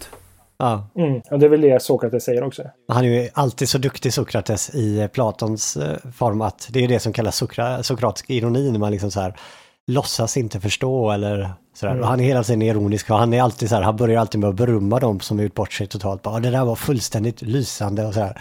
Jag hade bara en liten grej så här och så kommer det någonting och så bara förstör han allt de har sagt så här. Han är alltid så himla på ytan, så himla trevlig och beundrar alla de här hela tiden säger hur duktiga de är och sen så visar det sig att han egentligen tycker att de är puckon. Men vad har han för motargument nu till hur, hur, hur fäller han? Det tyckte jag var något av det bästa faktiskt i hela dialogen. Och det kommer in till det här vi pratade om förut med intentionalitet. Att kärlek är kärlek till någonting. Och jag vet inte om jag tycker att argumentet håller helt. Alltså, det, det känns som att det är någonting fult knep här, men jag tyckte det var en väldigt finurlig vändning. Eh, för då säger han så här, okej, du säger att kärlek då, den är det vackraste som finns. Den, eh, ja, det är det visaste av allting och så här. Och kärleken är vacker, kärleken är vis och kärleken har alla de här dygderna. Och då frågar eh, Sokrates här, men om kärleken, kan man älska någonting man redan har? Kan man, eh, eller älskar man det man inte har? Liksom åtrår man? Han byter ord här lite grann, för ordet åtrå är mycket mer eh, lämpat i detta fallet. Åtrår du det du redan har eller åtrår du någonting som du inte har? Och då tycker alla de här att nej, det är klart, du åtrår ju det du inte har. Så om du åtrår att bli rik, det betyder att du inte är rik. Är du när rik, då, liksom, då går du inte omkring och drömmer om att bli rik. Okej. Är kärlek då saknad av någonting? Ja, så tycker hon det då. Okej, det är... Så kärlek till till exempel vishet, det måste betyda att eh, kärleken inte själv kan ha vishet eller är vis. Om kärleken strävar efter det vackra, då betyder det att kärleken inte är vacker. Så det leder till eh, konsekvenser som är precis tvärt emot Agaton då. Han har liksom sagt att kärleken är vacker, kärleken är vis, kärleken är dygdig. Och då visar Sokrates här att nej, om kärlek är strävan efter det vackra, efter det visa, efter det dygdiga, då kan kärleken själv inte ha de här eh, kvaliteterna. Här tyckte jag dock att det, det är någonting som är lite knepigt här, för att låt säga att jag älskar eh, vishet. Betyder det att jag inte har vishet? Jag åtrar vishet därför att jag inte har det, eller betyder det att kärleken inte är vis? Alltså det, det, de blandar ihop nu den som är kär med kärleken själv på ett sätt som jag har svårt att hänga med på. Att jag strävar efter, eh, om vi tar rikedom istället då. Jag åtrar rikedom. Det betyder att jag kan inte vara rik för att då hade jag inte velat ha rikedom. Okej, men säger det någonting om att åtrå är rik eller fattig? Jag tycker det känns som någon sorts kategorifel nästan, när man frågar om kärlek är vis. Alltså det är eh, ett kategorifel ett, eh, att applicera eh, vishet eller ignorans på åtrå överhuvudtaget. Ja, och det är det som är hans poäng sen antar jag, när Diotima kommer in. Ja. Han behöver ju ha, för att få igenom sitt argument mot Agaton, så behöver han få att det är kärleken som inte är vis. För att han säger emot Agaton som just har sagt att kärleken är vis, kärleken är vacker. Men det känns som att hans argument snarare visar att de som är kära inte har det de åtrår. Det är väl också att kärleken har väl inte, är inte vis i sig heller. Eller hur? Eller har jag missförstått nu? Okej, de här argumenten sker ju på eh, 199b till 201c. Han säger så här, han frågar Agaton då. Kan du säga någon om kärleken eh, är så beskaffad att den är kärlek till något eller är den kärlek till ingenting?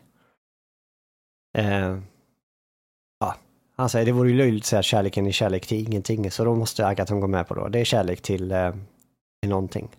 Han säger så här, när kärleken åtrår och älskar något.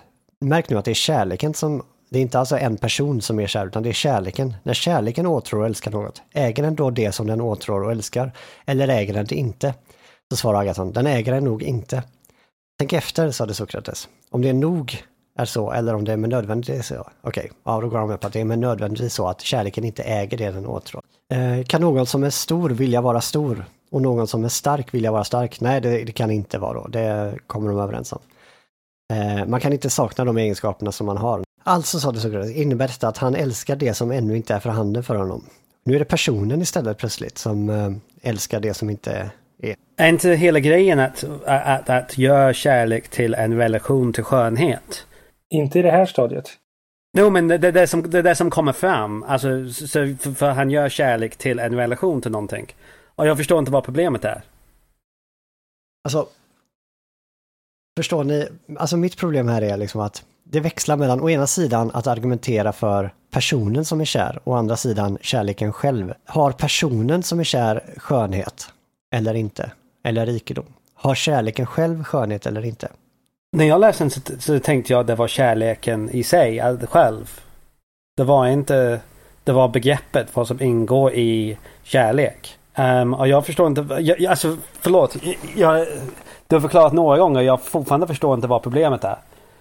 Um, är det ett problem att, att är problemet uh, um, någonting i hur Sokrates argumentera, Du tycker han argumenterar för båda två? Eller du har bara svårt att förstå att kärlek har dessa egenskaper och det är inte... Eh, att dessa begrepp har dessa egenskaper. Eh, nej, det är Sokrates argument som jag tycker det är... Jag förstår och håller med om argumentet om det gäller människor. Liksom det funkar att säga så här att den som är rik kan inte åtrå rikedom, för han har ju redan det. Eh, och så använder han det som ett argument för att kärlek inte kan vara vacker. För att den som är kär strävar efter det som är vackra. Alltså, om jag älskar det vackra så betyder det att jag inte har det utan jag vill ha det vackra. Det är ett argument om mig. Eh, men Sokrates låter det bli ett argument för, alltså han pendlar där mellan om kärleken kan vara vacker eller om det är personerna som är kära som kan ha det vackra. Ja, men det som gör den här skillnaden, eh, alltså på svenska, att säga eh, att kärlek kan inte vara vackert för att vara kär eh, innebär att du inte har något vackert. Men då har man gjort skillnad mellan fenomenet och att vara en del av ett fenomen.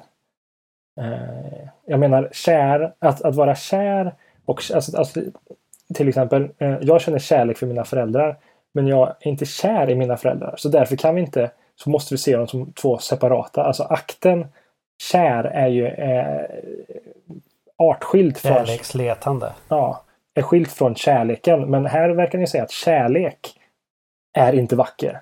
Genom att säga att när du är kär så har du inte det vackra. Vilket jag tycker är, jag håller med att det är it begs the question här. Men å andra sidan, alltså det, när jag lyssnade på det här så tyckte jag att, eh, och läste så tyckte jag att det var jobbigt på grund av att eh, han använder det här som en språngbräda för att komma in till sin teori sen.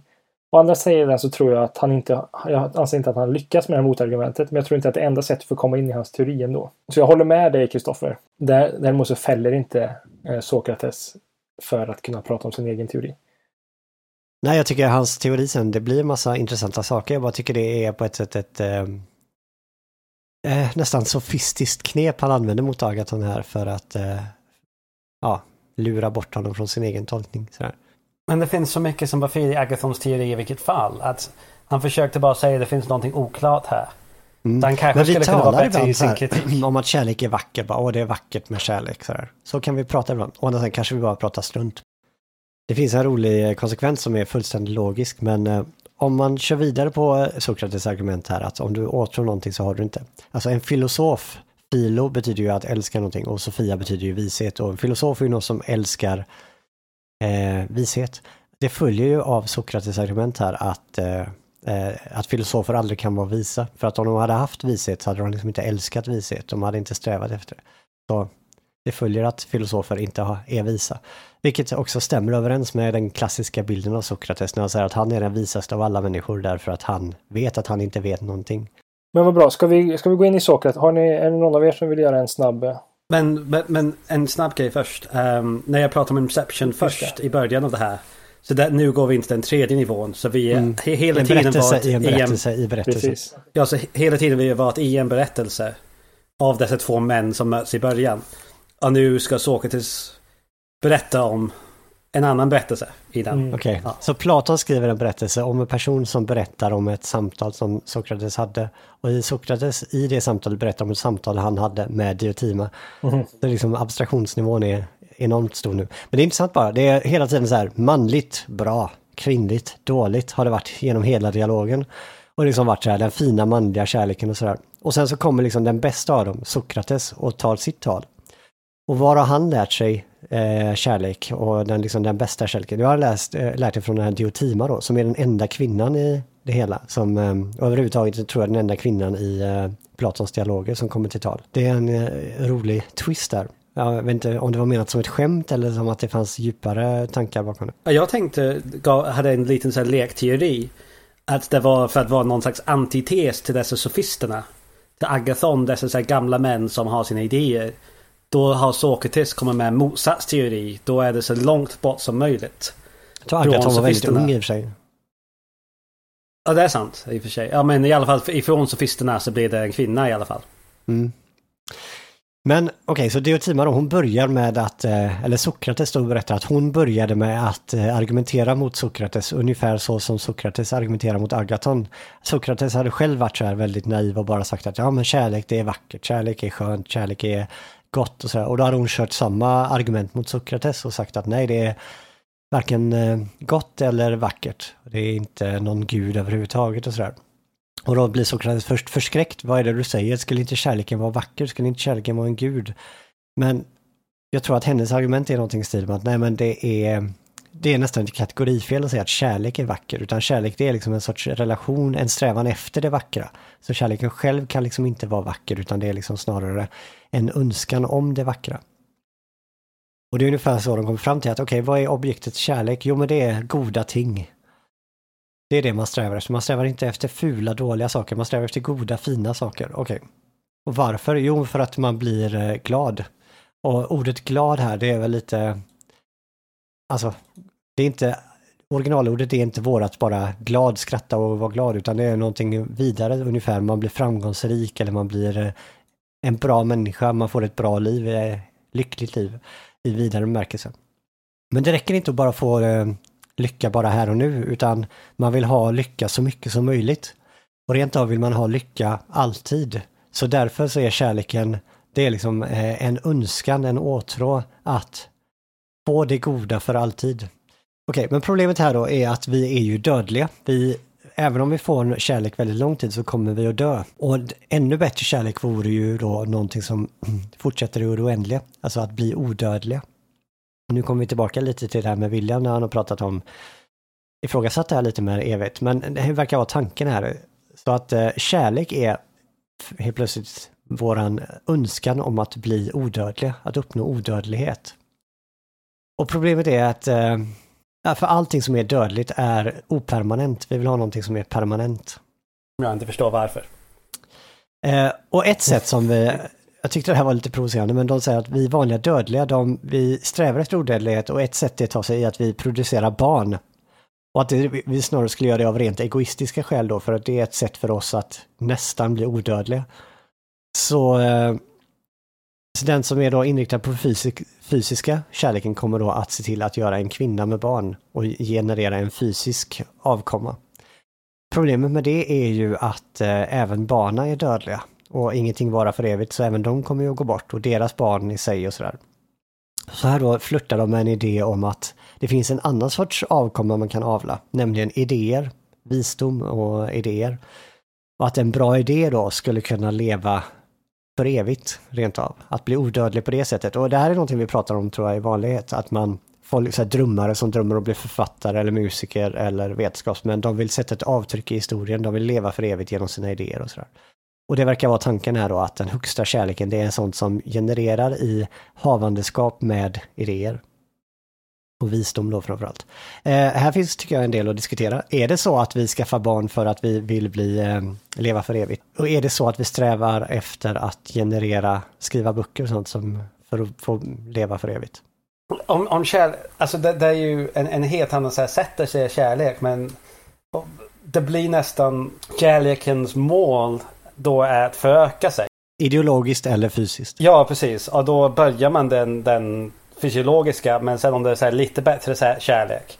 Om man tar till exempel den indelning vi hade förut mellan uh, jordisk och himmelsk. Hi, Mm. ehm, så, så, så verkar det vara på samma sätt där på något sätt. Att antingen är det så här fysiologiska avkomlingar eller idéavkomlingar som man vill ha.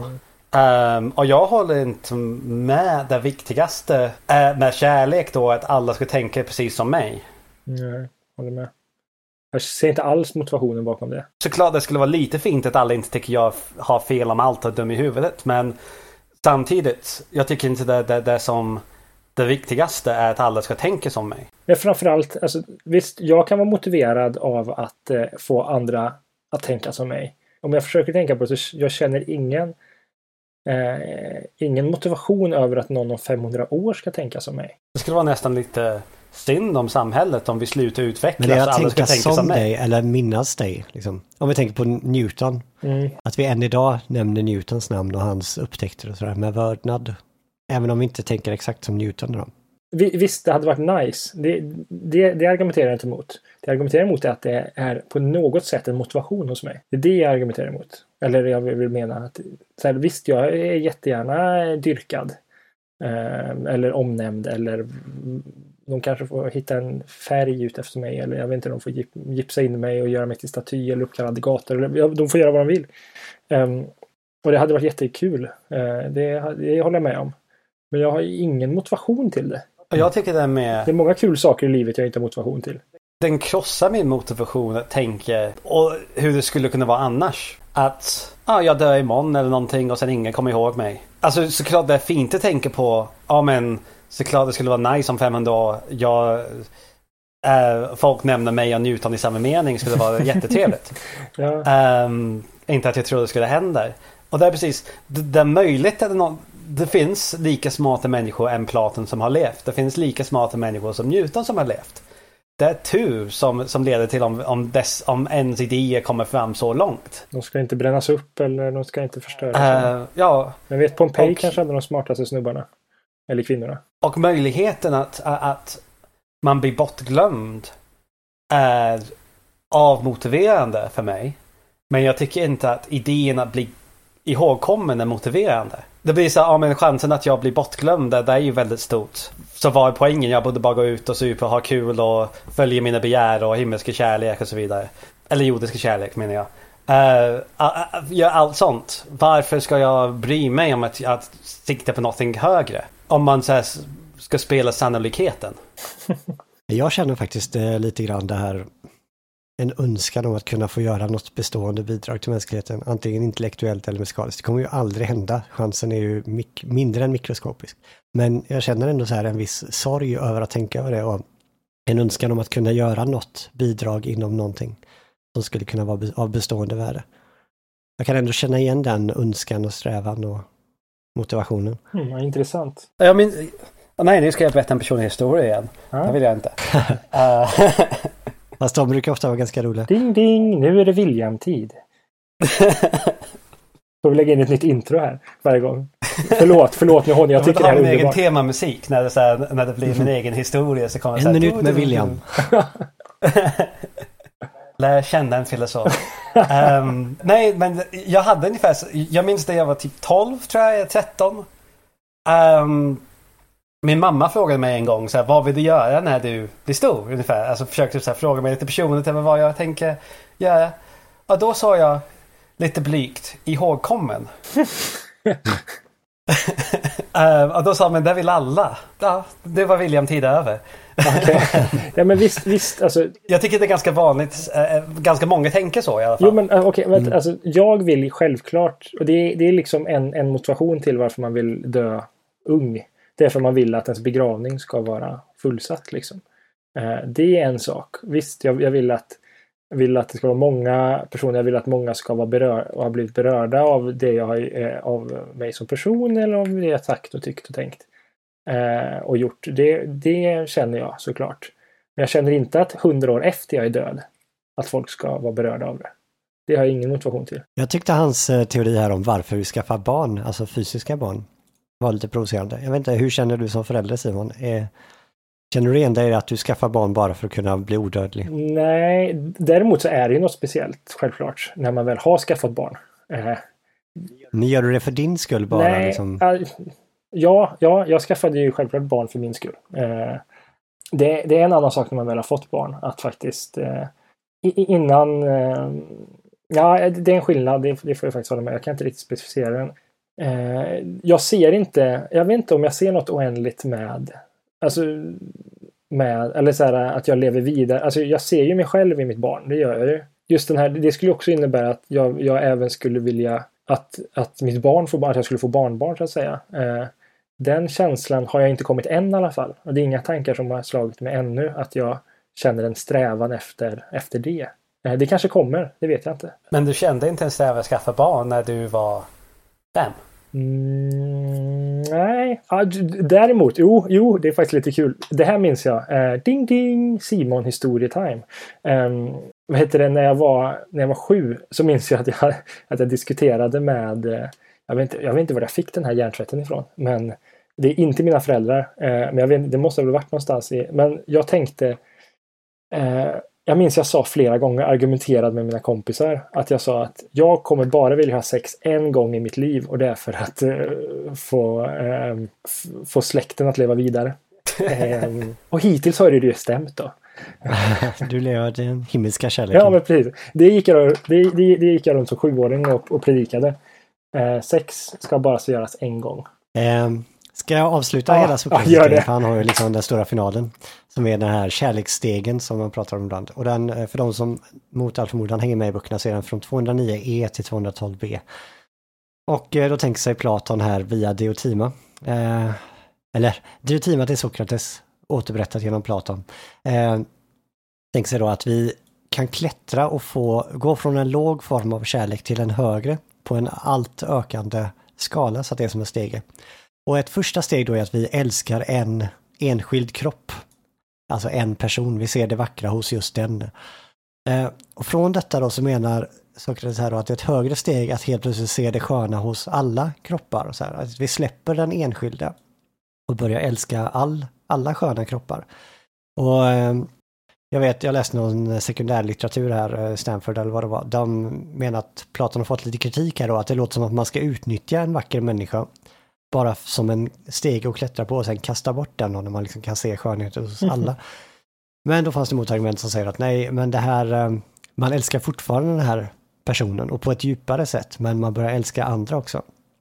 Och sen är tredje steget då att då släpper man även kropparna och börjar älska vackra själar och sätt att le leva och lagar och sådär, mer abstrakt sådär.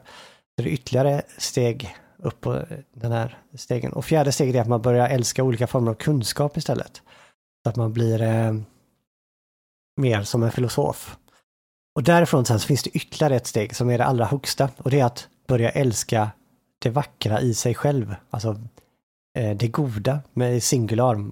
En, en sorts evig bara, man älskar bara godhet eller skönhet i sig själv utan man tittar inte på vilka grejer i världen som är sköna och vackra utan man på något sätt så det abstrakta begreppet blir någonting vackert i sig själv. Och det är slutmålet då för kärleken, att man liksom blir någon sorts, man blickar in i någon sorts abstrakt värld där man ser bara det här, det enda goda, vackra. Och här leder vi då till eh, vad många har sett, det här läran som Platon är så känd för, den här idéläran.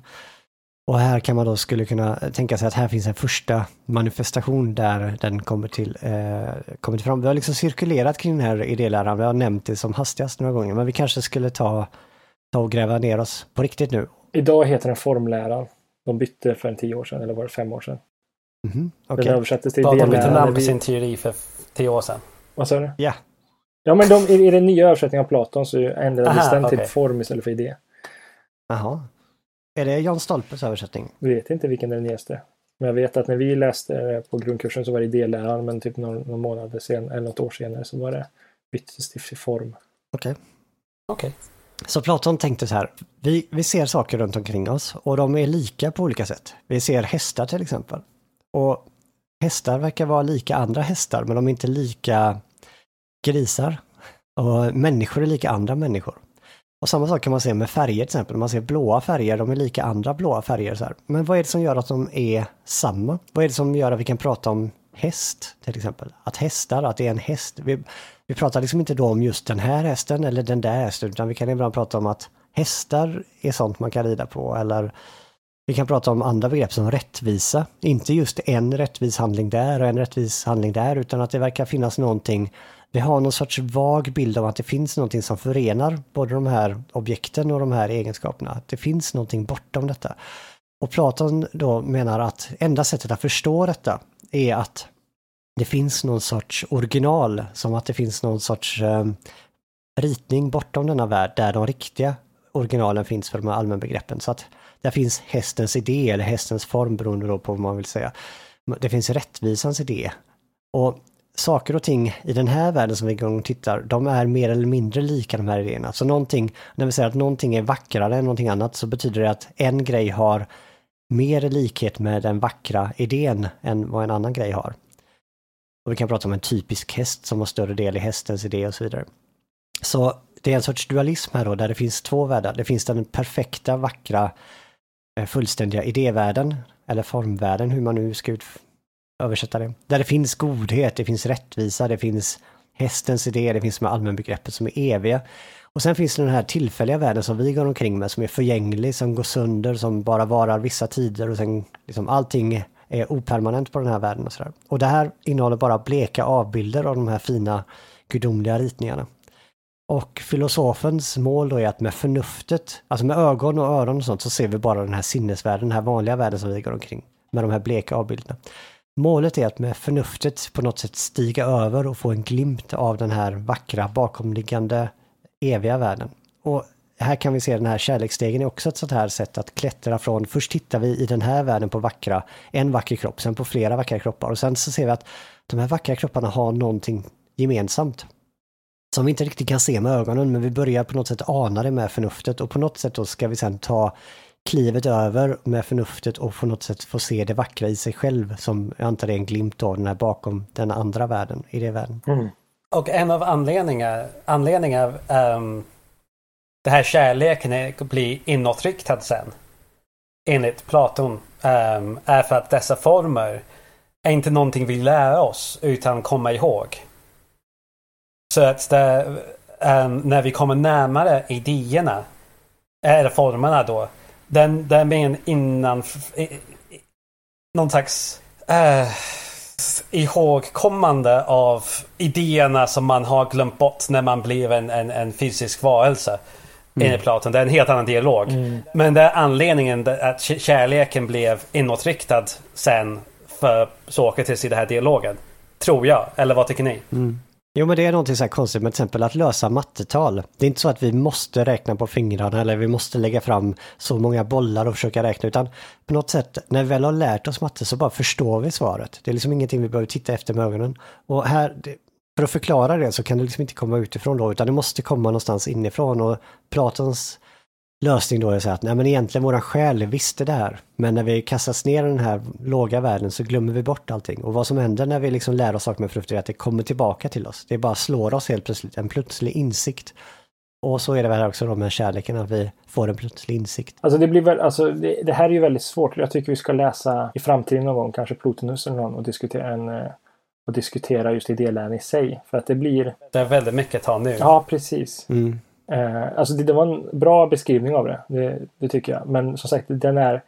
Den låter konstig men hänger ihop av motivering. Av, eh, alltså motiveringen till den ger en mer kraft så att säga. Men vi har inte tid för all den, den motiveringen så att säga. Men okej, okay, om vi ska göra som vi gjorde för de andra tal.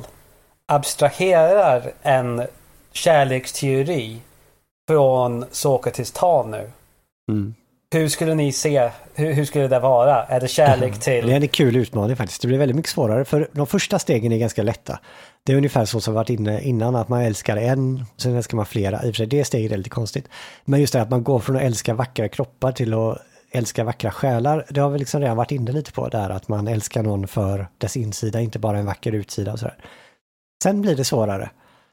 Att man börjar älska olika former av kunskap, att man blir någon sorts vetenskapsman istället som bara älskar olika kunskaper. Sanning? Eller ska du ska säga en sanningssökare är kärlek då? Mm. Det inte söker en annan person, där söker sanning. Så bilden av den perfekta människan är ju kanske en så här galen vetenskapsman som bara sitter instängd i laboratoriet som har helt yes. har släppt där. Släpp, som har släppt det här med att söka efter kärlek och så här, springa på gatan och kolla efter söta pojkar eller flickor. Staten tycker jag den ultimata. Fast det, alltså, alltså, jag tycker han, han gör ju sin egen abstraktion här. Jag menar, det han menar om, om man kollar på, på kärlek här, det goda så att säga, att det blir eh, att det, det man egentligen i slutändan gör är att söka kärleken i sig. Eller det, det är bara kärleken i sig som är intressant. Det är inte Ehm, de relativa konstituenterna för den kärleksupplevelsen som är intressant. Eh, däremot så eh, kommer man när man pratar att alltså, det han gör att när, när vi väl får insikt om kärleken i sig då, så att säga, så lär vi oss någonting och den saken hade vi antagligen lärt oss om vi bara var intresserade av sanningen i sig. Eller godheten i sig. Att det är eh, det står på sina egna ben och i slutändan verkar vara samma sak. Så att du kan vara en vetenskapsman som bara sitter inne på laboratoriet. Eller du kan vara en Casanova som bara springer runt och, och, och letar kärlek. Um, och du mm. kommer i slutändan nå samma sak. Det är olika vägar. Men se här att skillnaden är, det här med äkta hälft, det är ju kan man säga nästan på lägsta steget. Att man älskar bara en.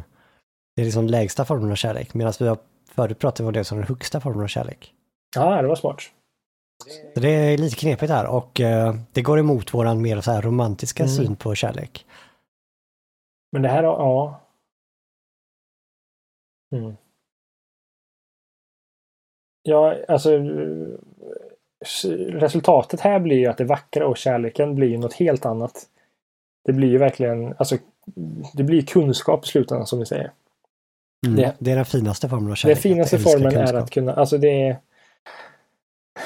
alltså från att förstå det vackra i människor så förstår vi också det vackra i lagar och när vi förstår det vackra i, i institutioner och lagar så förstår vi det vackra i vetenskapen och sånt här.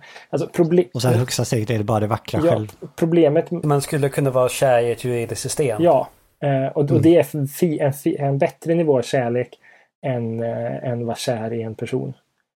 Det mm. som eh, eh, liberalism, socialism eller nationalism är en finare sorts av kärlek. Om man verkligen är väldigt investerad, är finare än eh, att tycka om sin... Eh... Och här är problemet så här, här kan man liksom säga så här, om jag och Simon nu säger så här, nej det är finare att vara gift och hitta sin sanna kärlek och sådär. Så skulle kunna den här vetenskapsmannen som bara är upp som är, brinner och är kär i sin vetenskap skulle bara kunna säga nej men ni har inte förstått det ännu bara. Ni befinner er på lägsta mm, trappan och eh, ni kände förvisso så, det kan jag hålla med om, men det är bara för att ni inte har själva varit med om det. Så precis samma argument som förr kunde vändas mot den som förnekar det här med äkta hälft och sådär, kan nu vändas istället mot, och, åt andra och Det är ett väldigt dåligt argument. Mm. Förutom att Plato skulle nog säga att um, om, man, om man går åt hans väg, då har man i alla fall någon slags argumenterings möjlighet mm. eller kunskaper för att kunna bemöta sådana som Agathon och visa att de är löjliga. Även om han misslyckas. Mm. Enligt dig Kristoffer. Ja men jag håller med. Precis. Nej, men han har ju eh, argument också då för att Liksom hela Diotimas eh, grej där fram till dess är ju någon sorts argumentation. Inte? Men alltså Platon, eller så här, Sokrates här skulle ju säga om man sätter det i moderna termer att jag menar det är finare att tycka om Skatteverket eller tycka om eh, eh, liberalismen eller, eller, socialismen än att tycka om sin man eller fru eller andra part. Så att säga. Men, det är, men det är finare att tycka om kvantfysiken än att, att tycka om eh, någon eh, politisk institution eller so socialt system. Men det är det finaste av allt är att, att äh, tycka om rättvisa och godhet och det vackra än att tycka om kvantfysik. Om man följer hans mm. hierarki. Och det är den hierarkin man oftast följer menar han. Om man tittar på hans lärjunge Aristoteles, bara den William eh, ville köra för, det här med balans. Jag tror att det är, det är Aristoteles invändning mot detta, att, att liksom släppa allt socialt liv och bara stänga in det och bli filosof, det är inte ett framgångsrikt liv, utan det fina livet är en balans mellan dessa. Du har alla de olika områden. Liksom. Du är förvisso grym filosof, men du stänger inte in dig från världen bara för det. Nej, men precis. Och det säger till och med Hume som vi ska prata om nästa gång. Uh, ungefär samma sak i början. Att det finns ingen samhällsnytta av att bara vara filosof hela tiden. För att göra lite prom promotion för nästa gång. Perfekt sätt. Mm. Men eh, vad tycker ni? Är ni mm, har, har vi varit rättvisa mot Platon eller mot Sokrates här? Inte varit... i det här historiska betydelsen säkert. Men... men uh... Jag tycker vi var väldigt rättvisa mot de andra personerna istället. Ja, ja faktiskt. Uh, med, en, med en Platon. Ja. ja. Um, ja, jag hade ju väldigt fel. Jag tyckte att den diskussionen var den mest givande istället. Och det här senare är kanske filosofiskt väldigt sofistikerat men det skulle nog på ett sätt skulle vi haft ett helt avsnitt bara åt ja, det här känner, i så fall. Och bara idéläran och sådär. Det var nästa. Men ja, förlåt. Det känns som en tillämpning av Sokrates, äh, av Platons idéer. Eller av formläran.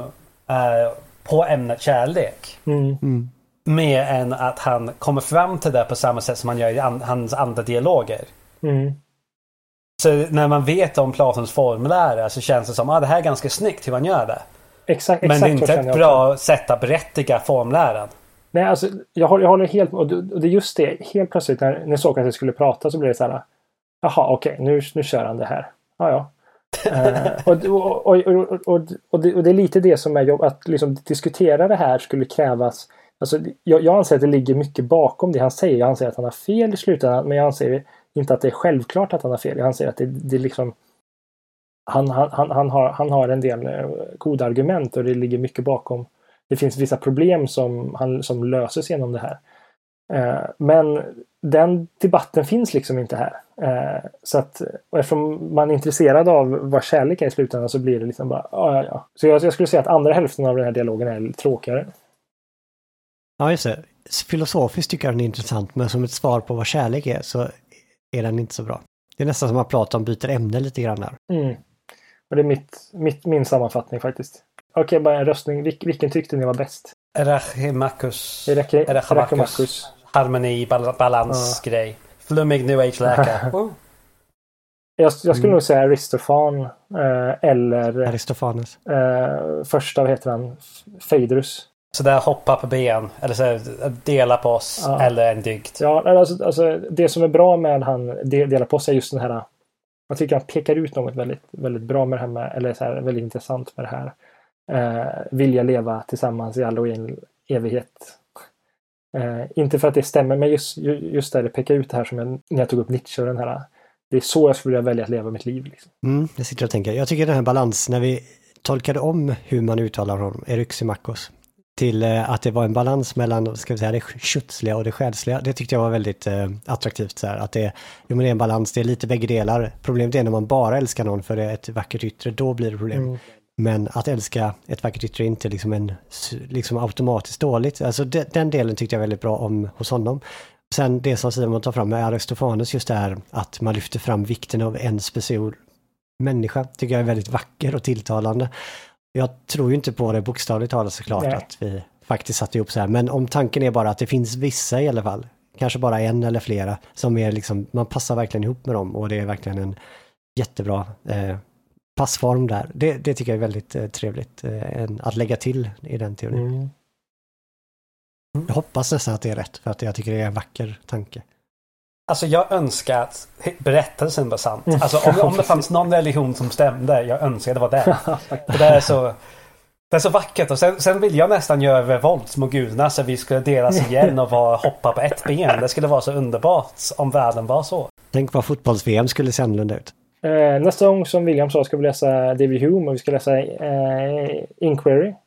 Vi ska diskutera lite kunskapsteori. Troligtvis lite, lite kausalitet och induktionsproblem. Um, då har ni något, något till, att lägga till? Nej, det ska bli kul att läsa Hume mm. igen. Han är en trevlig figur. Ja, det ska bli trevligt. Får se vad han har att säga. Uh, tack så mycket. Bye, bye. Tack själva.